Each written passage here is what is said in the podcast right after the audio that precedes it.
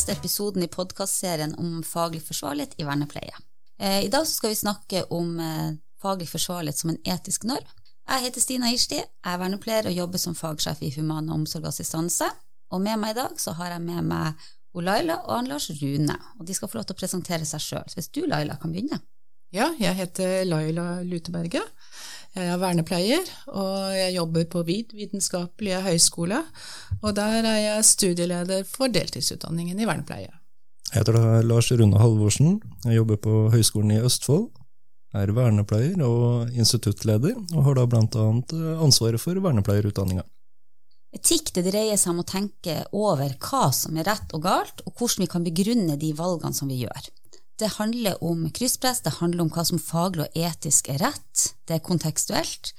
Og noe som er riktig i én situasjon, er ikke nødvendigvis rett i den neste. Så det handler om hva som er rett og galt for hvem. Og spørsmålet er også kan noe være faglig, men ikke etisk forsvarlig. Det er også en del av dette. Eh, det handler om ulike tvilstilfeller, og det handler om å kunne ta begrunna handlingsvalg.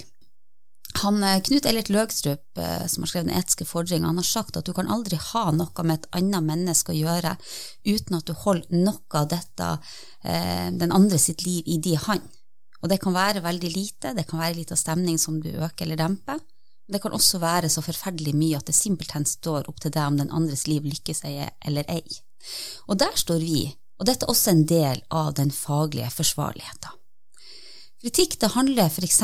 om når du står i en fornorska kontekst og lurer på om du skal hjelpe om Marit som er uten språk, og heller ikke gir noe klart uttrykk for noen preferanser vedrørende om hun skal ha på seg kofte eller bunad på 17. mai. Etikken det handler altså om å stå i denne ambivalensen, dette ubehaget. Hvilke valg tar man da, og hvorfor lander man akkurat på dette valget? Altså et krysspress mellom ulike forpliktelser. Altså det her med tid, f.eks. Er det rett å bruke av Karens tilmålte tid når du egentlig er hos Petra? Og Det betyr at etikk kan sies å være vårt moralske kompass. Og man trenger verdier da disse er grunnlaget for all menneskelig atferd, og det styrer også våre holdninger og handlinger. Og Disse verdiene de er byggesteiner både for kultur og etikk, og Det må jo da bety at faglig forsvarlighet som etisk norm det innebærer at vi må være bevisst våre egne verdier i møte med den enkelte. Og det høres jo veldig fint ut. Men hold det bare å være bevisst egne verdier. Og hvordan gjør man dette egentlig i den praktiske hverdagen, da, Lars Rune? Et fint sted å starte, det er eh, med følelsene. Fordi følelser har en sentral plass i etisk refleksjon, og etisk refleksjon må jo nødvendigvis ha en sentral plass i faglig forsvarlighet. Og når jeg da nevner følelser, så tenker jeg at det, er utrolig viktig at følelsene blir plassert egentlig på flere dimensjoner. For det første så er følelser en veldig viktig startpunkt for at vi hele tatt vi, vi engasjerer oss, at vi bryr oss. Er det noe som vekker oss? Det er et eller annet som nei, her, Dette var ikke litt, dette var ugreit. Det er gjerne det som starter tankeprosesser i neste omgang. Der uh, Følelsene bruker vi også som en sånn type sparringspartner når vi holder på med, med etisk refleksjon. altså Kjennes dette greit ut? er dette, Vi, vi bruker det som en litt sånn kalibreringsdel. Uh, og følelsene har en helt åpenbar uh, funksjon når vi har tatt en beslutning, eller når vi går videre. altså Kjennes denne beslutningen grei eller ikke? Hvis ikke det kjennes greit ut, så er det antageligvis god grunn til å tenke litt lenger på, på hva man har gjort. Så da blir da neste spørsmål så hva er da etisk refleksjon? Altså Hvorfor skal vi holde på med det? Og For å kunne holde på med etisk refleksjon så krever det for det første at vi er gode til å lage situasjonsbeskrivelser som er troverdige, som klarer å beskrive hva er det som har skjedd nå i denne konteksten. Hva er det med denne personen, eller hva er det med den vi skal hjelpe, eller hva, hva er det her sånn som som, som, trigger noe, så vi må kunne gi en god situasjonsbeskrivelse. Vi må kunne klare å identifisere hvem er det som er aktører, hvem er det som har en stemme her. sånn, Er det i tillegg til flere som mottar tjenester, er det noen pårørende, er det tjenesteytere rundt? Vi må klare å identifisere hva som er her, og vi må kunne klare å identifisere hvilken, ikke bare hva er mine verdier, men hvilken verdier er det som står på spillet her? For den du skal hjelpe, for andre? Er det noen rettferdighetsprinsipper, er det noen autonomiprinsipper? Så du må klare å identifisere hvilken etiske prinsipper er det som bør spille en rolle her. og Det, det vil variere avhengig av hvilken situasjonsbeskrivelse man, man, skal jobbe med. Og man bør også kunne tenke med flere for å kunne få fram hva som faktisk er relevante prinsipper i, i, i den sammenhengen her. sånn. Og da tenker jeg at eh, vi snakker om faglig forsvarlighet vernepleier profesjonsutøvelse, og da gjerne knytta til dette med hverdagslivet. Og da tenker jeg at det, det, å kunne holde på med etisk refleksjon, det tror jeg er så viktig at det er det må knyttes til hverdagen og hverdagslivets eksempler.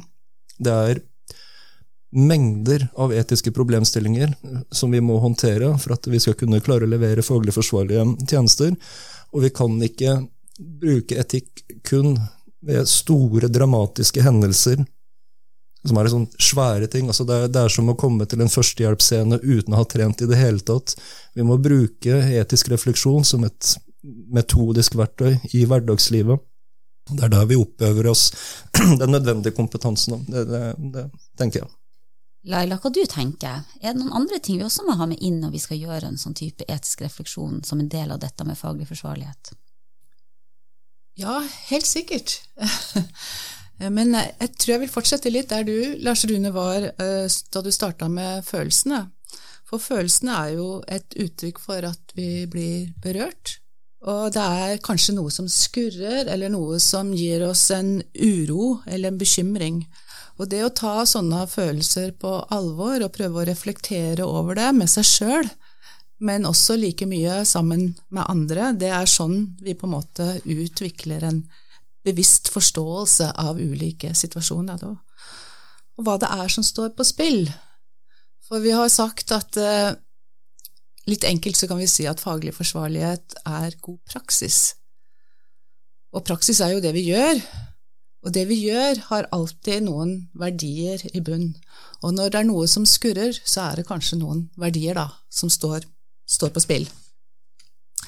Og det å eh, reflektere både i situasjonen og over situasjonen etterpå, det gir oss en sånn handlingsberedskap som du, Lars Rune, var, var opptatt av.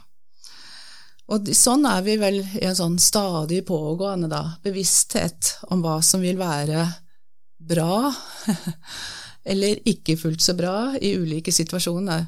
Og hele tida så er det liksom Du snakket om Løkstrup, Stina. Jeg tenker at eh, han var opptatt av at eh, det vi gjør, det skal være godt for den andre. Ehm, men det er veldig utfordrende å forstå situasjoner og forstå den andre. Og det tenker jeg krever en, eh, noen ferdigheter av oss som handler om det å kunne være oppmerksom til stede. Eh, og jeg vil si at det er en ferdighet, fordi det er noe man kan øve på. Eh, og sammen med eh, den, det verktøyet, da, å være, oppøve oppmerksomt nærvær, så er det dette med aktiv lytting òg.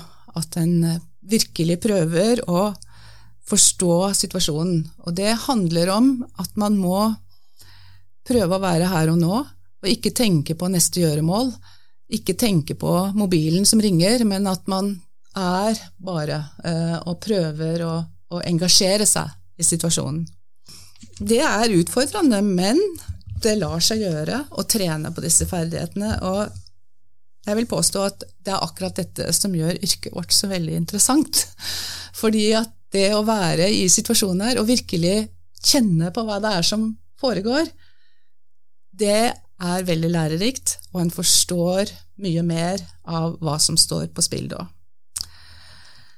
Jeg tenkte at jeg, jeg skal, Du snakket om hverdagssituasjoner. Eh, det er ikke alltid de store hendelsene, krisesituasjoner, men det er hverdagssituasjoner. Og jeg kom på en historie eh, om en person som eh, ikke kan uttrykke seg. og denne personen har også veldig store bevegelsesvanskeligheter, og man vet også at den, eh, den har, at han har epilepsi da.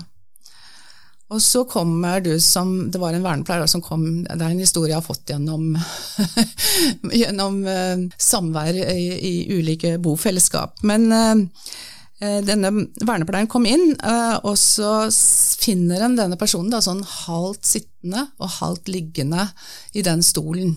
Og så kjenner han på at det er noe som ikke er som det skal, men han vet ikke hva det er. Og utenfor så står det en taxi. Og jobben, hvorfor han går inn, det er jo fordi at han skal følge denne personen til taxien, for han skal på, på dagsenteret. Og spørsmålet er hva gjør vernepleieren da? Kjenner på denne uroen som han ikke helt vet hva er. Eh, han vet at han veldig lett kan ta tak i personen, reise han opp og få han ut i taxien som venter, si ha det, og dagen går som planlagt. Det andre alternativet er at han ikke gjør det, men kjenner på denne uroen og tenker kanskje er det best at du får være hjemme, at du får hvile, og at du får slappe av fordi du har hatt et epileptisk anfall. Så hører det med da til uh, historien at uh, det å uh, la personen være hjemme betyr at man sier ha det til taxien. man går glipp av dagtilbudet den dagen.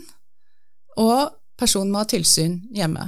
Så det er jo ikke en veldig sånn lett avgjørelse, fordi det er en, noe som på en måte får ringvirkninger, da.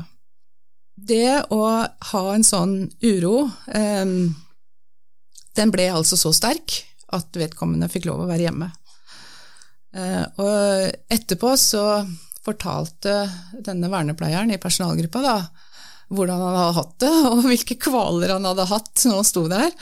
Eh, og så førte det til at de begynte å snakke veldig mye om sånne type situasjoner, og hvordan eh, de skulle handle da, når dette oppsto. For det var flere som hadde kjent på en sånn uro, men eh, de visste ikke helt hva de skulle gjøre med det. Og det enkleste er jo egentlig bare å gjøre det man skal. Men det førte til at eh, de ble mer nyansert i måten de forsto denne personen på. Og det syns jeg var en, en, en, måte å illustrere da, hvordan følelsene kan være utslagsgivende for å bli berørt og påvirke de handlingene som vi velger. Da har vi snakka litt om faglig forsvarlighet som en etisk norm, hvor vi har gått fra å snakke om det å stå i ambivalens, vi har følelser om hvor viktig de er som en del av dette, til tillit, som det å være til stede her i nuet, altså det å tune seg inn eller finne, finne samklangen i relasjonen, som Kari Martinsen så beskrivende eh, kaller det. Og dette er da viktige komponenter i den etiske dimensjonen med faglig forsvarlighet. Da tror jeg vi er kommet så langt at vi sier takk for oss for denne gang, og vi håper at du sjekker ut flere episoder og andre ressurser om faglig forsvarlig vernepleie på vernepleier.no. Takk for oss!